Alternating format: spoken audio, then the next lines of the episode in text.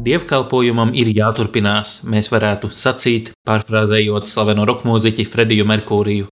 Un, lai arī pasaulē plosās bīstams vīrus, lai arī nākas pakļauties stingriem ierobežojumiem, dievkalpošana tik tiešām turpinās arī šajā grūtajā laikā. Uz sarunu esam aicinājuši mācītājus no trīs kristīgām konfesijām. Es esmu Augusts Kolms, un šis ir Savienots. Esi savienots ar mums, Radio Marija raidījumā Savienots. Raidījums sadarbībā ar Kristīgo portālu Tuvumā.CLV. Uzklausām, vērtējam, izpētām un iesakām. Trešdienās, pulksten piecos pēcpusdienā. Esi savienots!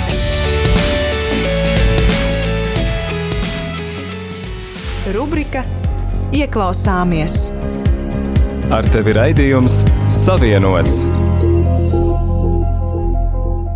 Šodien raidījumā savienots kopā ar mani Augustu Kolmu ir mācītāji no trīs kristīgām konfesijām.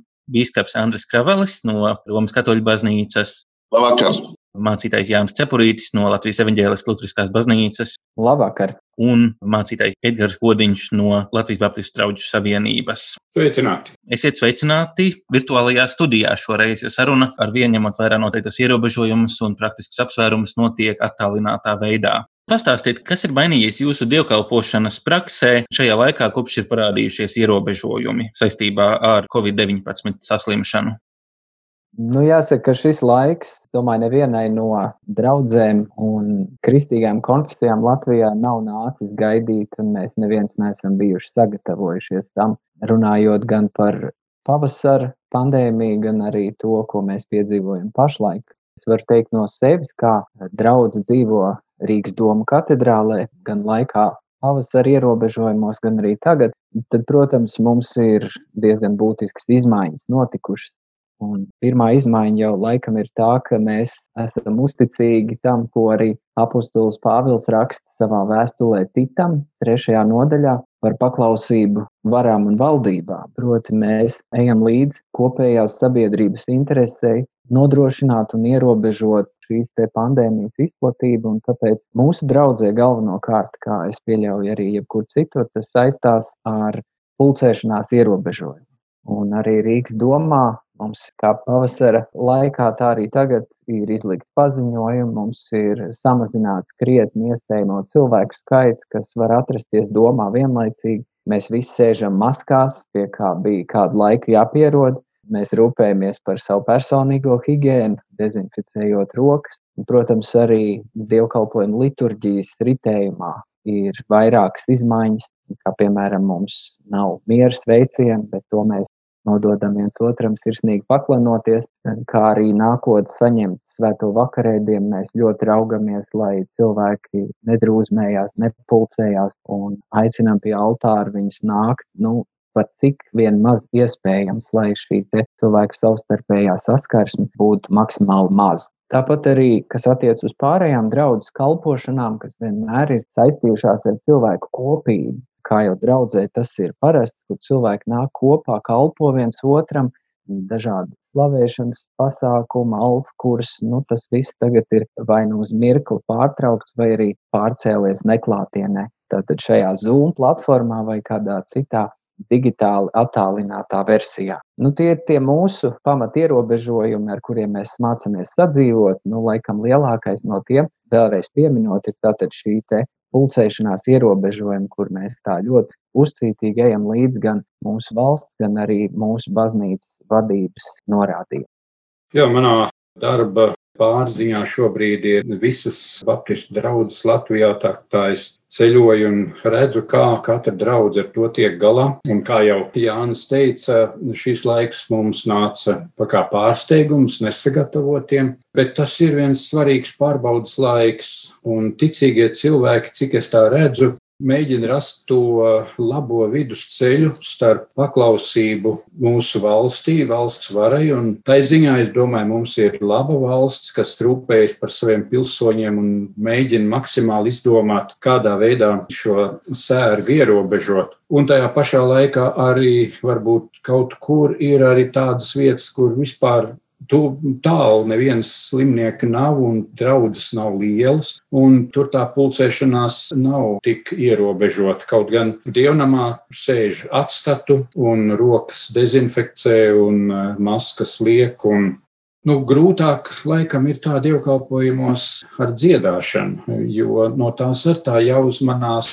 Ar maskām grūti dziedāt, bez maskām riskanti dziedāt. Bet nu, pirmajā vilnī tad jau mazliet iemēģinājām tos ekstrēmos apstākļus, nu, un tagad jau tie jau ir daļai pierasti un rod dažādus risinājumus, kā varētu darbu turpināt. Jo Kristus draudzene vienmēr ir bijusi izdomas bagāta, jebkuros laika apstākļos, vai vajāšanās, vai arī tur, kur ir kādi citi ierobežojumi bijuši, vienmēr tiek izdomāts kaut kas, kā var savu tuvību ar draugu, ar citiem dievbijiem un ar dievu veidot. Prieks jūs visus arī sveikt un parunāt par praktiskām lietām. Esmu pat labi Rankas muižā, kur arī ir kapela, un mums bija dievkalpojums ar kardinālu, arī šeit bija sanākuši cilvēki, un tāpat arī, kā jau brālis sacīja, nu, ievērojot visus distancēšanās noteikumus, maskas, Ja runā par draugu, tad mēs esam blakus kaimiņos, Doma draugai. Tā kā mūsu dievnamā ir ļoti daudz kristību, laulību, tad jau pirms kādiem pieciem, sešiem gadiem cilvēkiem bija lielāka vēlme ņemt dalību. Un, ļoti bieži vien cilvēki fiziski nevarēja būt klāt kristībās, iesvētībās vai, vai laulībās. Un tad mēs izveidojam tādu iespēju ar kameru, ka mums ir, nu, teikt, iespēja 24 stundas dienas laikā nu, redzēt, kas notiek altāra telpā. Un tas bija mazliet tā providenciāli, pravietiski, jo tad cilvēki zināmā mērā ir pieraduši klausīties, sekot līdzi, un ka tāda iespēja vienmēr pastāv. Nu, vai no planšetes, vai no datora, vai caur YouTube kanālu pieslēgties un dzirdēt, dzīvot līdzi, nu, izvēlēties. Bet, protams, tāpat kā arī brālis sacīja, visas aktivitātes, piemēram, rītdien mums būs alfa kursa noslēgums, tad tas notiek baznīcā. Tie, kas ir tur, tad viņi seko, bet pārējie, protams, divas trešdaļas no cilvēkiem, protams, ir mājās jāseko attālināti. Tāpat visi laulībām sagatavošanās kursi, svētdienas skolas pieaugušiem. Varbūt tāda lieta, kas mums likās svarīga, tā kā baznīca mums ir maziņa, samērā maza, klostera baznīca, tā kvadratūra nav liela, tad mēs ja tā var teikt, palielinām dievkalpojumu skaitu. Piemēram, svētdienās mums ir septiņi dievkalpojumi, ja, septiņi. Mēs esam vairāk garīdznieki, nu, un tas dod iespēju cilvēkiem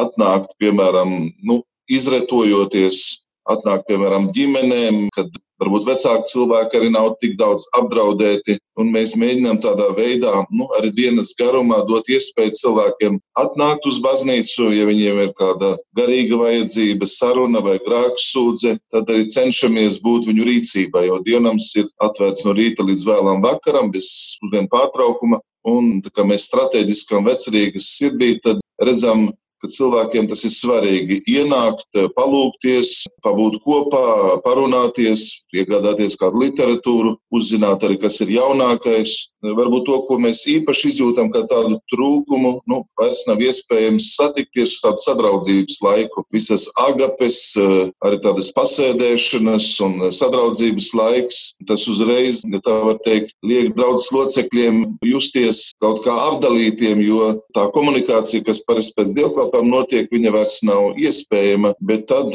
nu, mēģina radīt tādus tā saucamos sociālos burbuļus, izveidojas dažādas grupas, piemēram, sava grupa tur vecākā gada gājumiem, koristiem, dziedātājiem, slavētājiem, alfas grupas. Nu, tad tur notiek diezgan intensīva komunikācija un cilvēki var iesaistīties, runāt, dalīties, tikt uzklausīti. Varbūt tas ir kaut kas jauns, kas agrāk nebija, bet es, piemēram, ļoti daudz ko par draugu locekļiem tieši uzzinu no šiem tādiem sociālajiem tīkliem, kur es varu arī nu, vairāk redzēt, kā cilvēki reaģē, kā domā. Varbūt pēdējais tāda iniciatīva mums jau ir vairāk kā pusgadu. Katru vakaru, 2022. mums ir rožu kroņa apceres lūkšana. Jēzus dzīves svarīgākie notikumi, kuri tiek apcerēti, un tās lūkšana parasti ilgs gandrīz nu, stundu, 45 minūtes kā kur reizi, un tad draudzes locekļi var ne tikai nu, pieslēgties, bet var aktīvi ņemt dalību lūgties, un tas vairs nav rezervēts draudzē, bet mums ir cilvēki, kas pat no tur Latgales, Daugavpils vai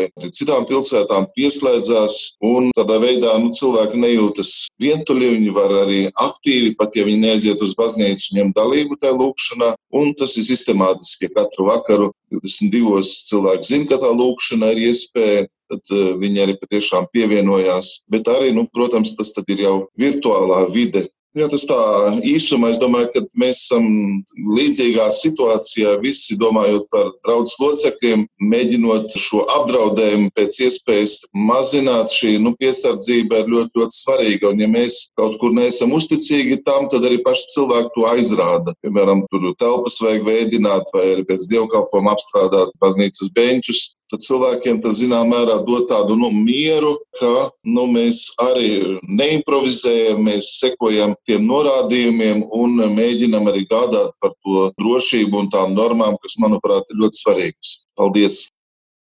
Es gribētu pievērsties jautājumam par to, kāda ir nozīme kristiešu kopā sanākšanai, ņemot vērā, ka Bībelē taču arī ir sacīts, ka mēs varam iebultēties savā kambarī un lūgt tur. Un šis ir tas laiks, kad mēs esam spiesti palikt iebultēti savā kambarī. Kādēļ tad mums vēl jānāk uz baznīcu? Vai tad drošāk un varbūt pat jā, pareizāk nebūtu palikt pilnīgā vienatnē un varbūt, nu jā, kādu Zoom, Bībeles stundu vai kādu televīzijas dievkalpojumu, bet klātienē kopā ar ticības brāļiem un māsām, vai tas ir nepieciešams, vai drīzāk varbūt, nu, kāpēc tas tomēr ir nepieciešams? Es teiktu, ka viena no atbildēm būtu, vismaz manuprāt, meklējama jau desmit baušļos. Proti, kur mēs redzam šo dieva gribas sadalījumu jau pašā bauslībā, ielikt un ieaust. Proti, pirmie trīs baušļi runā par cilvēka un dieva attiecībām tādā ļoti personiskā griezumā. Es, manas attiecības ar dievu, un šeit ir tevis pieminētais kambaris, trīs baušļu apcerēšana ir mans lūkšana laiks, mana privātā dievbijība. Savukārt atlikušie baušļi runā par ļoti sociālu cilvēka dzīvi, par iesaisti dažādos dzīves procesos, kur es neesmu viens. Jāsaka, dzīves procesos, kur es mācos kļūt un tapt par cilvēku. Un, lai tas notiktu, ir nepieciešami vēl citi cilvēki. Ir vajadzīga šī doma apmaiņa, ir vajadzīga šī otra cilvēka redzēšana, viņa iepazīšana, un arī mūsu garīgajā dzīvē, mūsu iekšējais cilvēks var izaugt tad, kad mēs, nu, jāsaka, savā ziņā konfrontējam savu grēkā kritušo, kritušo dabu ar otru cilvēku. Tikai tad mēs iemācāmies, ko nozīmē pazemība. Tikai kad mums priekšā ir otrs cilvēks, mēs iemācāmies, ko nozīmē neaprunāt, ko nozīmē otru celt godā, Tā kā es teiktu, ka cilvēku kopība, jeb kristīgā draudzība ir nepieciešama nevien, lai realizētu šo Kristus kopību, kā jau bīskaps Andris teica, šo te agapu, šo visvētāko kopā būšanu, bet arī, lai mēs katrs taptu par tādiem cilvēkiem, kādus Dievs vēlas mūs redzēt. Un bieži vien tā lielākā iespēja ir tikai mums esot kopā. Tāpēc es atbildētu, ka draudzene ir lielā nepieciešamība, lai mēs realizētu desmit baušļus. Tas būtu tas, ko es liktu pie šī jautājuma.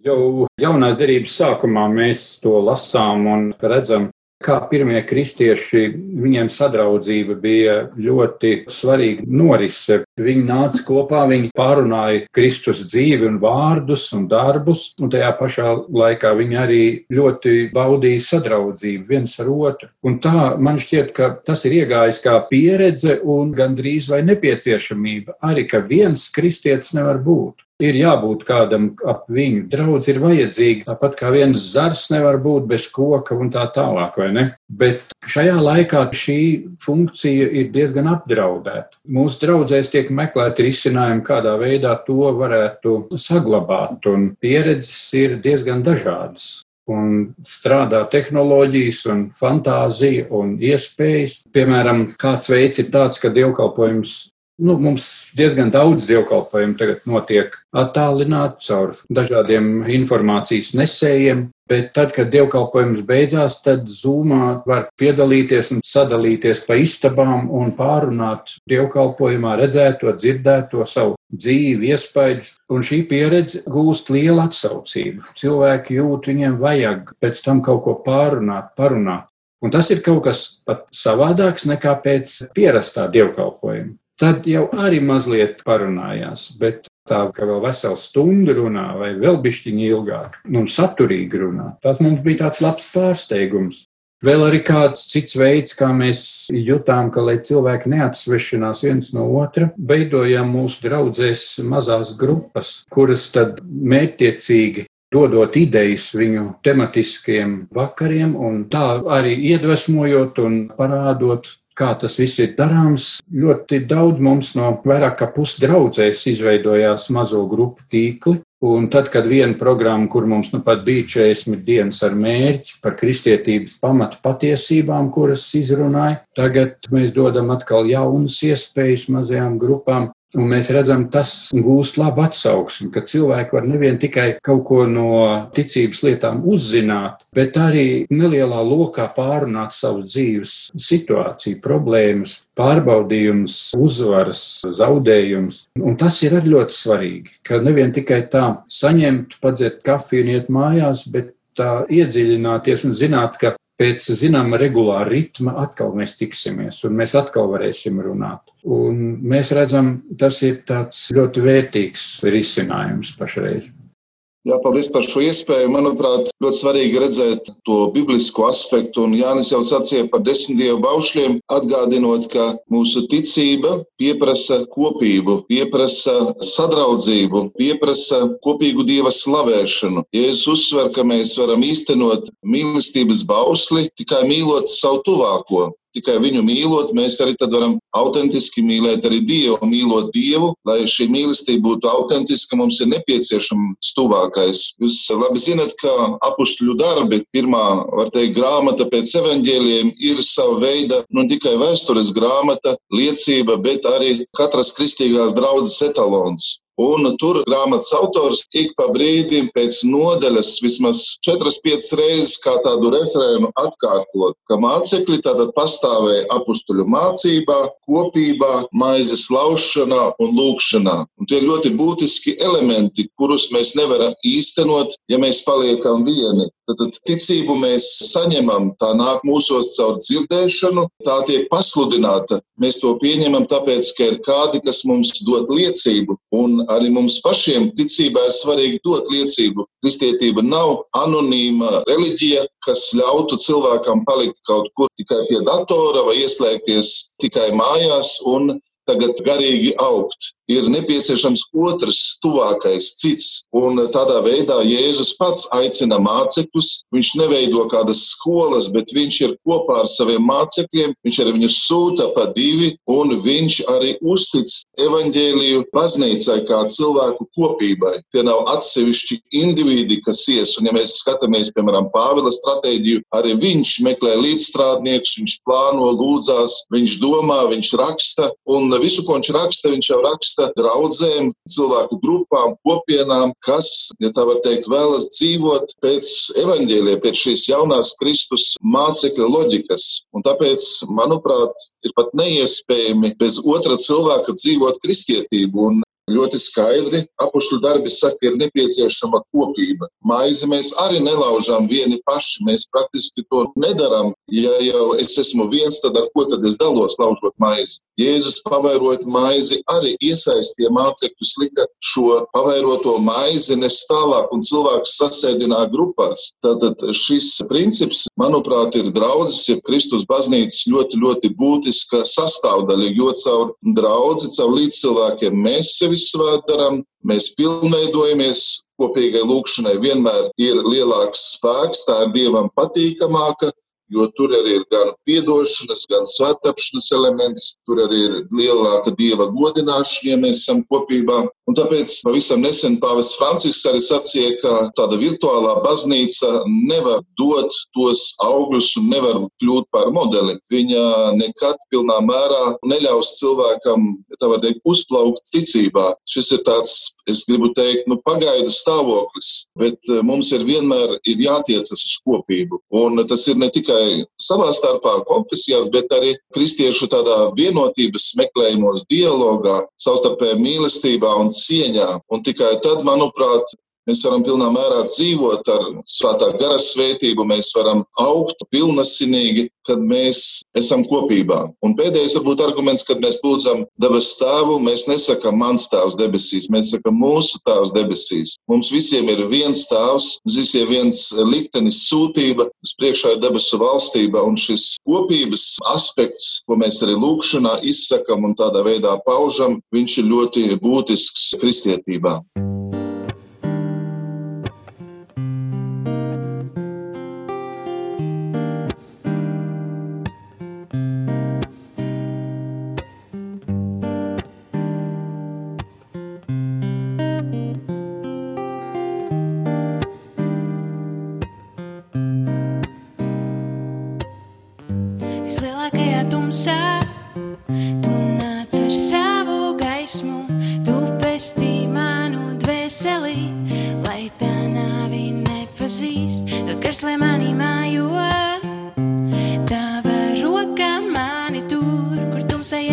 iet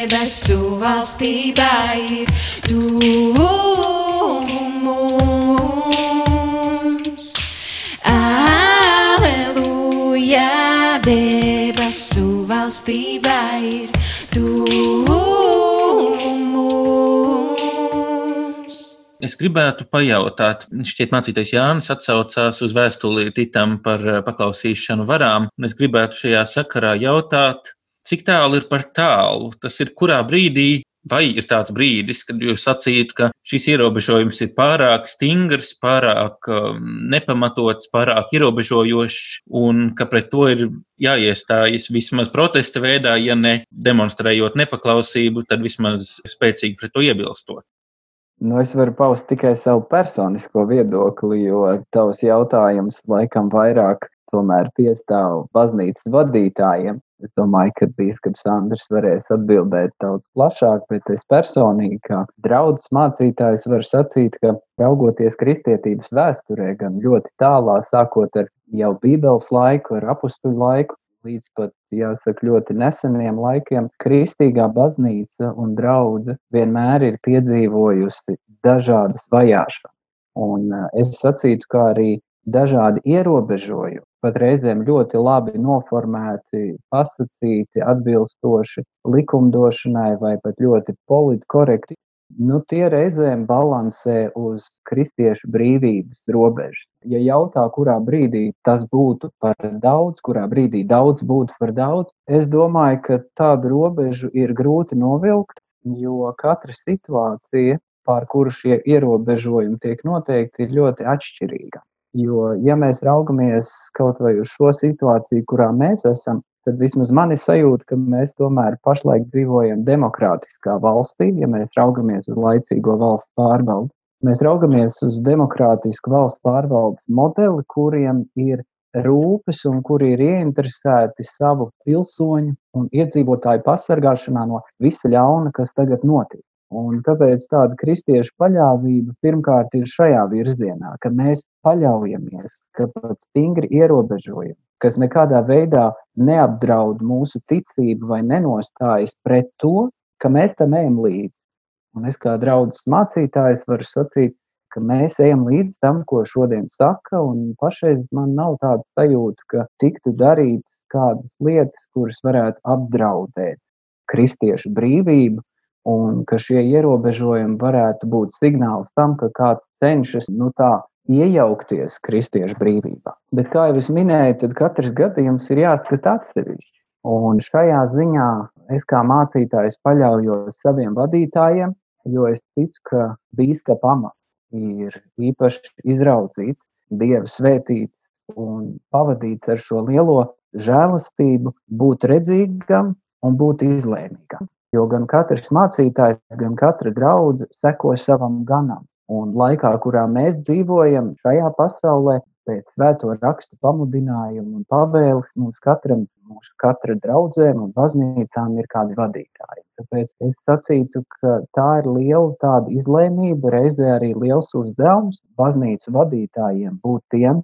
kuri savu ticīgo tautu savus mācītājus, sludinātājus un priesterus kādā brīdī pamudina uz to vai citu rīcību. Tāpēc es sacītu, ka katra situācija ir īpaša un individuāla, un es kā mācītājs vienmēr pēc padoma un pēc rīcības raugos uz to, ko saka mana baznīcas vadība, ko saka mans bīstams.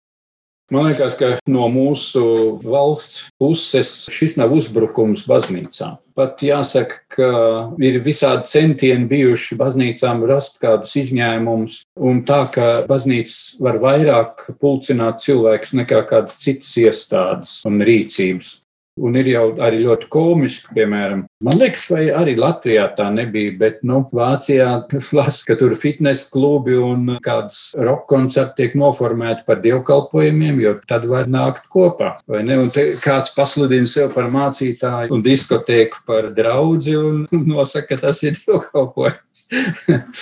bet man šķiet, no valsts puses mums tā nav vajāšana. Mums nav viņa doma apspiest, bet To gan mēs varam sacīt no sātana puses, gan mēs to redzam. Ka tas ir kāds metiecīgs sātana uzbrukums, kāds, kāds nav bijis Kristus draudzē, man liekas, nekad vēsturē. Ka viss pasauli tiek ierobežot eh, tajā pierastajā veidā, kā evaņģēlijas un dievu valstība izplatās. Un tam mums vairāk ir jādomā, kā mēs cīnāmies pret sātanu un viņu uzbrukumu nekā pret valsts varu.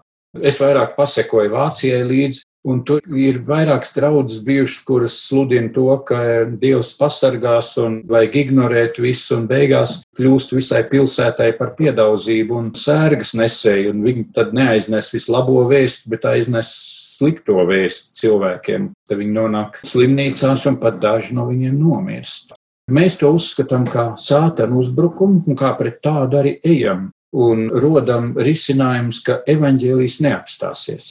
Un, ja pirms šīs pandēmijas bija diezgan tādas aktīvas lūkšanas dievs, kā mēs varam aizsniegt cilvēkus, kur neienāk baznīcā, kā mēs varam aizsniegt tos, kuri nav tiešām mūsu aizsniedzamībā, tad caur šo vēlnu uzbrukumu Dievu valstībai arī nāk kāda svētība, jo tie, kas translē dievkalpojumus, viņi saka, ka mūsu dievkalpojums skatās vairāk cilvēku nekā arī pirms pandēmijas ir bijuši klātienē. Tā kā raidītie dievkalpojumi aizsniedz cilvēkus, kuri regulārā dievkalpojuma apmeklētāju skaitā nav bijuši vai arī nav šobrīd. Tie ir ierobežojumi, bet, ja tā ir cīņa pret sātenu uzbrukumu, tad vienmēr Dievs ir mūsu pusē un dod idejas un iespējas. Vēl pirms es dodu laiku Biskupam Andrim atbildēt, gribēju sacīt, ka mācītāja Edgars sacītais par fitnesa klubu vai diskotēkas pielīdzināšanu dievkalpojumam ir ļoti interesants gadījums, un es to nebiju dzirdējis. Man bija gadījies dzirdēt tieši pretējo stāstu, proti par kādu mācītāju Kalifornijā, kurš, cik es saprotu, tā pus pa jokam, bet, nu, publicēja aicinājumu ņemot vērā, ka dievkalpojumos pulcēšanās bija būtiski ierobežota vai aizliegta, bet masveida protesti bez maskām un dažkārt, kas pārauga grautiņos, ka pret tādiem pilsētas vai, vai štata vara nevērsās, un tādēļ dievkalpojums tika pasludināts par protestu pret sātanu. Lūk, atkal šādā veidā to apējot. Bet tā ir maza anekdote un atkāpe no tēmas, un kas būtu sakāms bīskapam Andrim par šo jautājumu? Manuprāt, ļoti labi tādu kristiešu viedokli pauda arhibīskaps Jānis Vanaks 18. novembrī rīta dievkalpojumā Doma baznīcā, kur viņš uzsvēra, ka ir liela no vienprātība ne tikai konfesiju tādā procesā, izvērtēšanā, bet arī sadarbība gan ar um, valsts institūcijām, tieslietu ministriju un uh, tiek savstarpēji tāda informācijas aprite un apmaiņa. Konkrēti ir izveidota darba grupa, Un praktiski arī mēs no valsts jūtamies respektēti, ieklausās mūsos. Ja dažbrīd mums šķiet, ka te varētu kaut ko par daudz mums atņemt vai samazināt, tad arī, ja tā var teikt, konfesijas ļoti ātri ir reaģējušas. Manuprāt, šajā situācijā tiešām svarīgi ir tāda kopība, atbildība, pienākums, jo Covid nu, nešķiro ticīgos, neticīgos, Viņš nepazīst robežas, un mēs redzam arī, ka garīgie līderi ir inficējušies, un ir viņiem pozitīvs, un vairāk jau ir biskupi pat pasaulē ir jau miruši. Un tāpēc tas ir tāds gan nu, gudrības, piesardzības jautājums, jo baznīcai nav šīs kompetences tieši kādā veidā mēs varam šo vīrusu uzvarēt. Un tieši tāpēc mēs paļaujamies uz kompetentu, zinošu autoritāti. Šī situācija mums ir daudz, daudz pozitīvāka, labākā citās Eiropas valstīs, kur baznīcas ir tiešām slēgtas. Atsevišķos gadījumos dievnam ir vaļā, bet dievkalpojumi vairs nav publiski.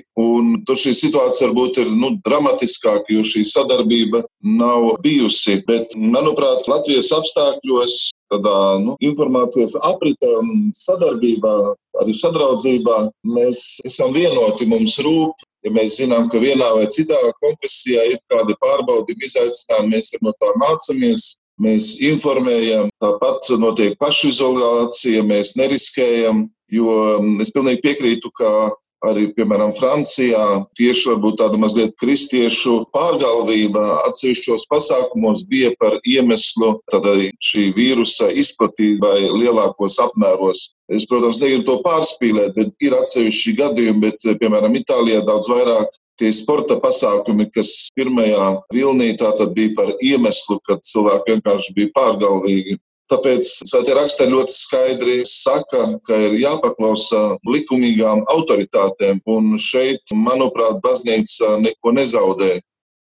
Dažkārt kristiešu vidū pastāv šaubas par to, cik īstenībā ne tikai kristiešu, bet vispār sabiedrības vidū ir zināmas grupas cilvēku, kas apstrīd, ka Covid-19 ir tik bīstams, vai ekstremālos gadījumos ir cilvēki, kas saka, ka tas viss ir izdomāta sazvērestība. Un tad vēl ir tādi, kur saka, nu tas ir pa īstam, bet Dievs jau mūs pasargās, tādēļ dievkalpojums ierobežot tomēr nav pareizā rīcība. Vai jūs esat saskārušies ar šādiem viedokļiem, varbūt no sev tuviem kristiešiem, savām draudzēm vai kā citādi? Un, attiecīgi, kā jūs atbildat uz šādiem izteikumiem, argumentiem? Mūsu draugzēs es tā neesmu ar to īpaši saskāries. Katrā sabiedrībā jau ir kādi dīvaini individi, kas vienmēr domā citādi, un dažkārt tas ir vienkārši viņa tāda dzīves pozīcija, vienmēr domāt savādāk, nevis kā viss. Bet kuri saskaras mazliet vairāk ar to realitāti, kas notiek slimnīcās vai radu pulkā, tie ātri vien redz, ka tie nav joki. Un vai Dievs pasargās? Nu, Dievs var pasargāt, bet Viņš mums dod saprātu, reaģēt un arī norobežoties no tām vietām, kuras mūs var apdraudēt, ja tas mums ir iespējams.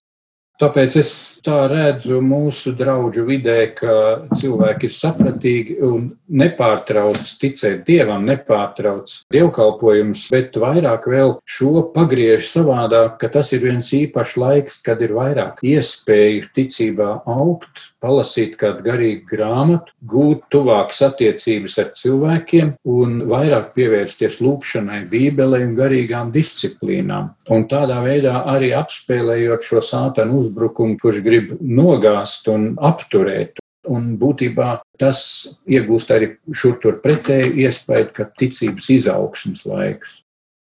Jā, nu man ir nācies arī mūsu Rīgas doma draudzē runāt ar kādiem cilvēkiem, kuri izrāda savu, nu, tādu varbūt mazliet sāsināto reakciju uz to, ka baznīca arī lūk ir aizgājusi līdz tām vai citām, kā viņi mēdz teikt, sazvērestības teorijām, un maskas un ceļas aizseg jau ir pēdējais, ko viņi liks baznīcā.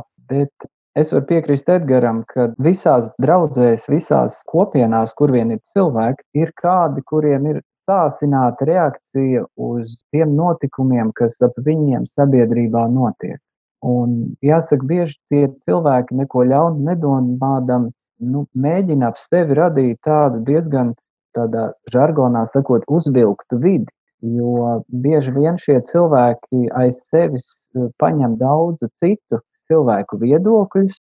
Un pavisam nesen arī mūsu draudzē bija kāds cilvēks, kurš sacīja, nu redz, pie jums maskas ir jāvalkā, bet kādā citā draudzē, kurā es biju pirms nedēļas, tur maskas var nevilkt. Nu, es domāju, ka šī īsā saruna, kas mums bija, liecina par to, ka nu, cilvēkam ir kāda, nu, es teiktu, iekšēji procesi un notikumi viņa paša ticības un arī privātajā dzīvē, kas uz realitāti bieži vien liek raudzīties mazliet ne tā, kā mēs uz to raugamies. Un tāpēc ar šiem cilvēkiem mēs vienmēr mēģinām ar dziļu mieru un ar tādu pazemīgu mīlestību pieiet. Katrā ziņā tie nav cilvēki, kurus var nu, tā tiešā veidā pārmācīt, viņiem iedodot rokās masku un viņus nozvērinot, ka tagad tev ir jādezinficē rokas, bet drīzāk šos cilvēkus pieņemot mīlestībā, saprotot, kā aiz viņa šīs reakcijas stāv, kāda dzīves daļa, kāpēc viņš šādi reaģē. Bieži tur ir tāda ievainota dzīve, tur ir kādas apvainošanās uz līdzcilvēkiem, uz dievu, tur ir kāda nepiedošana un nesamierināšanās. Un tāpēc es teiktu, jā, šādi cilvēki vienmēr būs. Un mūsu kā mācītāji un arī draudzes uzdevums ir mīlestībā viņus pamācīt. Jo vēl ko es esmu novērojis, vismaz mūsu draudzē, ka šie daži cilvēki bieži vien var radīt tādu turbulentu vidi, un īpaši tiem ļaudīm, kuri mēģina ievērot šos nosacījumus, kur ļoti cenšas būt uzmanīgi, kuri sargā savus bērnus, kuri lieto maskas un visus nosacījumus, un tad pēkšņi uzrādās šāds cilvēks kā virpulis, ienāk baznīcā, un jāsaka, tad viņa uzvedība gan prasās pēc nelielas tādas pamācīšanas, lai dievkalpojums un vieta, kur mēs kalpojam, kur ir mūsu satikšanās ar visvētāko, kur mēs baudam sakramentu, lai šī vieta nepārvēršas kādam par piedauzību. Jo redz, es nāku ar visiem nosacījumiem, bet te ir kāds cilvēks, kurš uzskata, ka viņš var atļauties, ko viņš grib. Tādējādi nu, šādi cilvēki vienmēr būs, un es domāju, mūsu kā garīdznieku uzdevums ir būt redzīgiem un eh, pamanīt šos cilvēkus laikus, lai viņi nekļūst draudzē par tādu kā nu, nelielu sirdsapziņas un ticības ievainojumu. Jā, draudzene vienmēr būs tāda tuvāk mīlestības pilnveidošanās vieta, un šajā saskarsmē cilvēki ļoti dažādi. Bet tuvāk mīlestība pieprasa, ka mēs ne tikai domājam par savu drošību, bet ka uzvedamies tā, lai neapdraudētu citus.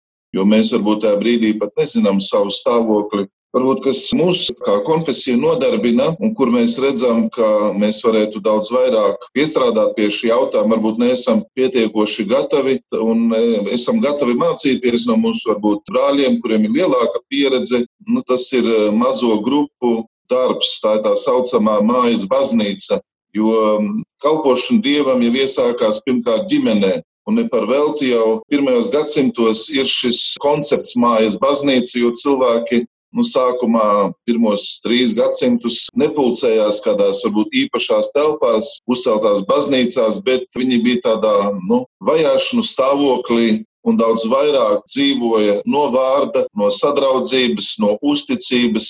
Viņi arī īstenoja šos evaņģēlīja principus, kopīga lūkšana, viss viņam bija kopējs. Un tieši tāpēc mēs varbūt pietiekoši nesam labi sagatavoti, lai dzīvotu šajos apstākļos, arī nu, neaizejot uz dievkalpojumu, bet noklausoties, piemēram, svētdienu, mēs varam turpināt diskutēt, pārdomāt, aizlūgt, kopīgi lasīt svētos rakstus, dalīties garīgās dzīves atziņās un principos. Dažreiz to mēs redzam arī tad, kad garīdznieki sapulcējamies kopā. Mēs par daudz ko varbūt runājam, bet bieži vien tādas garīgie jautājumi, dvēseles jautājumi nevienmēr ir pirmā prioritāte. Bet Tas ir ļoti, ļoti būtiski, piemēram, nu, vīrus darīt ģimenē atbildīgus par šo lūkšanas laiku. Mātes, sievas, viņām ir savs uzdevums, savs aicinājums attiecībā uz bērniem. Un tieši tādā veidā mēs varam bagātināt un mūsu draudzes kļūst stiprākas, ja mēs kristīgo ticību dzīvosim arī ārpus baznīcas mūriem, arī ārpus draudzes, jo tur mēs esam sūtīti. Tur mums arī ir jāpliecina Kristus un mums ir jāmācās mācās to darīt. Mēs to varam mācīties arī no izvēlētās tautas, kas vairāk iepazīstot trimdu vai zaudējot svētnīcas, Jeruzalemes tempļa vietu, bija spiesti pārkārtoties, domāt, kā viņi var izdzīvot savus ticības pamatus, kas tad ir svarīgākais, un tātad nu, šādu pārbaudījumu priekšā nezaudēt tādu ticības vingrinājumu, bet, kā brālis sacīja, izmantot šo izaicinājumu, pārbaudījumu, pat arī kaut kur eh, sātanisku taktiku, lai gluži pretēji pieaugtu dieva žēlastībā, mīlestībā, tuvāk mīlestībā. Un, manuprāt, mums būtu jādara cilvēki vairāk kā patstāvīgi un atbildīgi. Protams, draugi nezaudē savu pulcēšanās vietu un sūtību, bet jo vairāk mēs katrs apzināsimies savu neatkārtojumu aicinājumu, Katrs cilvēks, kas ir aicināts iesaistīties evaņģēlijā pasludināšanā ar savu darbu, ar savu atziņu, ar savu sūtību un pienākumiem, jo baznīca būs daudzveidīgāka, krāšņāka, atvērtāka citiem. Tas ir tās garīgās dāvanu apmaiņas, kas notiek draudzē, bet, protams, tā sākumā vajag izkopt, jo dažreiz tādos, nu, teiksim, vecos laikos cilvēki nāk mazliet uz draudzes dievkalpojumu, lai saņemtu, lai iegūtu, bet nevienmēr viņi dzīvo ar loģiku svētīgāk ir dot nekā ņemt. Te nav runa tikai par kaut kādiem līdzekļiem vai ziedojumu došanu, bet te ir par to laiku, ko es veltīju draudzēji, vai žēlsirdības karitatīviem darbiem, cik vieta liela manā dzīvē ar pielūgsmai, pateicībai, vai tiešām tas, ko tagad liturģiskā gada izskaņā uzsver, ko Kristus mums saka, kad es biju kails, vai tu mani apģērbi, kad izsalcis, vai tu mani pabaroji. Īstenībā mēs redzam, cik plaša ir kristietība, kas nereducējās tikai konkrētos cilvēkos ar vienu draudzes piederību, bet visi svētie un tie, kas pravietiskā veidā tā var teikt, ir izdzīvojuši evaņģēlie vēsti. Viņi mums rāda, ka mums nav pat varbūt jāapstājās pie kādām robežām, kad Kristus sūta savus mācekļus, viņš liek iziet gan no komforta zonas, gan iet tālāk par Izraēlā tautas robežām, lai ietu šajā mentalitātē, ejiet, māciet, sludiniet, ejiet aplieciniet evaņģēlie vēsti līdz pat pasaules galam. Un eh, tāpēc, manuprāt, šis laiks var būt tāds labs vingrinājums to mācīties darīt. Gribēju noslēgumā jautāt, cerot, ka šī pandēmija vienā dienā beigsies un mēs atgriezīsimies normālajā dzīvē un dievkalpošanā. Kas būtu tas, ko jūs gribētu paņemt līdzi no tā, ko esam iemācījušies šajā laikā? Nu, es teiktu, ka līdz šim neparastajam laikam un pandēmijai, vismaz mūsu baznīcā, runājot ar saviem amata brāļiem, nu, daudziem šī sociālā vide, šīs dažādas mēdīju iespējas, ko sniedz internets, bija diezgan tāls un svešs. Un jāsaka arī par draugiem. Tāpat vien retajām bija YouTube kanāls, vien retajām bija tādas mūsdienīgas mājaslapas, ērti pārskatāmas un regulāri atjaunotas. Tad šis laiks laikam ir iemācījis mums šo te, nu, ja tā varētu teikt, sociālo pratību, jeb ja mēdīju pratību šajā internetu virzienā, sakot, ka ir liela daļa draudzes, kuras svētdien uz baznīcu neatnāk. Un mēs sludinam, mēs kalpojam, bet liela daļa no draudzes kaut kur dzīvo savu dzīvi. Viņi skaitās piederīgi, viņi ir mūsējie, bet viņi svētdienās nav baznīcā tik bieži redzami, cik gribētu. Un tāpēc tajā brīdī, kad šis neparastais laiks beigsies. Vismaz es personīgi paņemšu līdzi šo lielo iespēju, kas man ir bijusi dota, ka es pats personīgi varēju apgūt dažādus šos te interneta saziņas instrumentus. Es iemācījos, kā var YouTube kontā kaut ko papildināt, kā var nofilmēt trīs minūšu video klipu uzrunu, svēto rakstu apceri, kā var aizsniegt ļaudis citās sociālajās platformās. Tas noteikti paliks, un es domāju, ka tādā praktiskajā kalpošanā tas ir viens no lielajiem ieguvumiem, kad mēs varam sasniegt savu draugu ne tikai baznīcā, tie, kur atnāk, bet mēs varam sasniegt savu draugu tur, kur viņi dzīvo šodien. Un liela daļa no viņiem tiešām dzīvo sociālajā vidē, un tā ir iespēja, kā jau mēs te runājam, cēt evaņģēlīju vēsti, cēt labo vēsti tur, kur ir cilvēki, iet zvejā tur, kur šie cilvēki ir, un kļūt par cilvēku zvejniekiem tur, kur viņi ir, kur ir viņa ikdiena, kur ir viņa dzīve. Tik bieži cilvēki pavada savos biroja krēslos pie datora, un tur mēs arī viņus varam aizsniegt. Tā kā tā vismaz man būs ļoti liela tāda praktisks ieguvums no šī laika. Nu, un, protams, arī garīgs stiprinājums, jo nu, nekas no tā, kas līdz šim manā kalpošanā ir bijis, nav bijis līdzvērtīgs tam, ko mēs piedzīvojam pašlaik. Tāpēc tur būs arī ļoti daudz un dažādi garīgi ieguvumi. Bet praktiski ir tas, ko jau es minēju par šo sociālo sastapšanos caur sociālajiem mēdījiem. Jā, man liekas, ka būtiski kaut kas paliks. Draudzes ir iegādājušās translācijas aparatūru.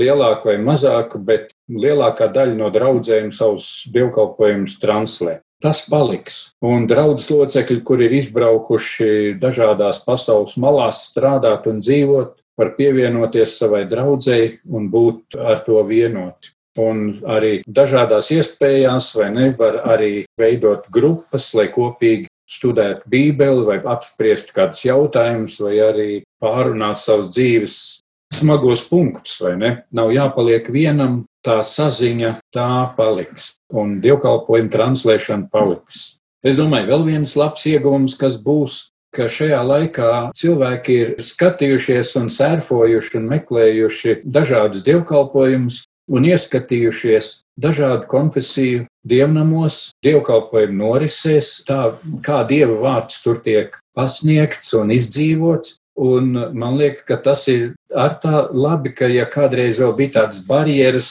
savai konfesijai, negribējās pārskatīties, tagad viens un otrs tā saka, bet tur taču arī sludina Dieva vārdu. Un ka tas tuvina, un es domāju, ka tas ir arī liels ieguvums. Bet būs arī, man liekas, viens liels izaicinājums, jo varētu nojaust, ka veidojās kāda neapzināta ticīgo draudzene, kura pāri baznīcas slieksnim varbūt arī nepārkāps tik drīz. Kā viņus nepazaudēt ar tad, kad pandēmija beigsies, bet kā varētu tālāk uz viņiem runāt, novest viņus pie tā, ka viņi var būt ne tikai tādi nikodēmi ticīgie vai Jāzepa no Arimātijas ticīgie, bet kur iekļaujas draudzē ar visu tiešo sadraudzību, svēto vakarēdienu un ar kalpošanas iespējām un tādā veidā izdzīvot nevien tikai ticības novērotāju, bet Kristus mācekļu dzīvi. Un man šķiet, ka tur vajadzēs jau sākt domāt, kā tas ir darāms. Tā kā pandēmija es domāju, ka mēs būsim ticībā to uzvarējuši. Un, ja vēlams gribēja iznīcināt, tad iznāks, ka viņš dievu uzdevumā izdarīja labu pakalpojumu. Jā, es domāju, mēs apzināmies, cik katrs cilvēks ir dārgs, neatkārtojams reizē, cik dzīvība ir kā dāvana trausla, cik arī mums ir jābūt atbildīgiem pret to laiku, Un eh, es arī pilnīgi piekrītu Edgaram, ka dažādas prakses tiek labāk iepazītas. Piemēram, Baptistu baznīca nāca ar pamudinājumu pārdomāt tēvreizi. Uzsākot adventi, mēs sāksim ar gavēni. Gavēni pirmā svētdiena adventā, kas arī bija evaņģēlis Luteriskās baznīcas aicinājums. Tad visas šīs iniciatīvas, es domāju, tās mūs bagātina un arī rodas lielāka uzticība, jo mēs esam spiesti ieklausīties, komunicēt, vairāk arī nu, informēt viens otru savstarpēji. Un, protams, arī personīgi es domāju, ka mēs sāksim labāk apzināties, cik svarīga ir draudzes kopība un kādi ir tie līdzekļi, kas ļauj viņu nostiprināt, kopt, lai mēs vairāk atbilstu tam Bībeles ideālam, lai mēs ne tikai pulcētos tā kā, nu, pēc dievkalpojuma, lai pasēd, bet lai tas bibliski turpinātu Dieva vārda izpratni, lai mēs viens otru celtu, lai mēs sevi svētdarītu. Es domāju, ka pilnīgi piekrītu, arī būs kādi varbūt zaudējumi, bet es domāju, ka viss nāk par labu tam, kas Dievu mīl. Ja mēs šajā mīlestībā mēs paliksim, tad arī Dievs dos līdzekļus un svētīs mūsu centienus.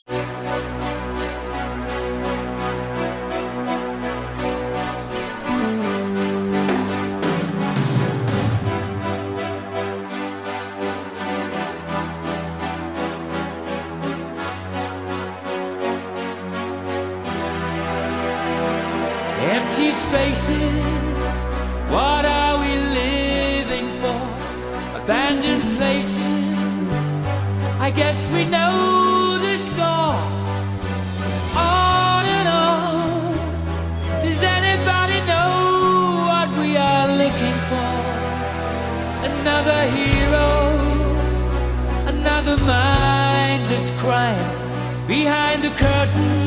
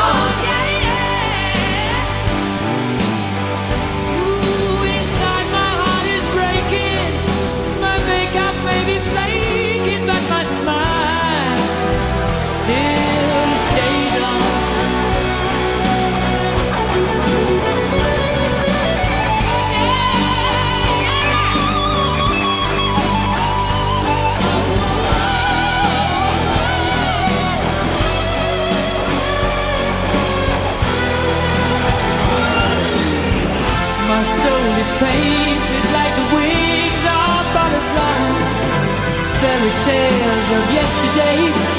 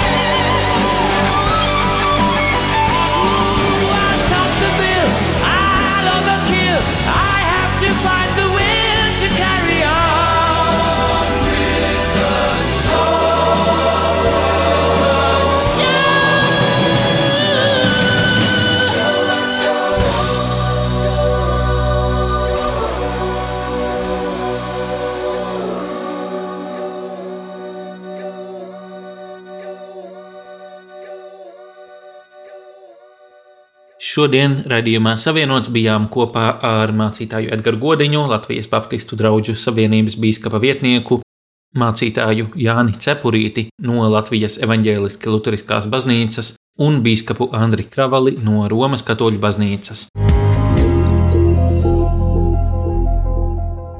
Kristīgo mēdīju tuvumā LV un raidījumu savienots var atrast sociālajos tīklos, Facebook, Twitter, Instagram. Raidījumu savienots var klausīties arī platformā Apple Podcasts. Ar jums kopā biju es, Augusts Kolms, un raidījums savienots.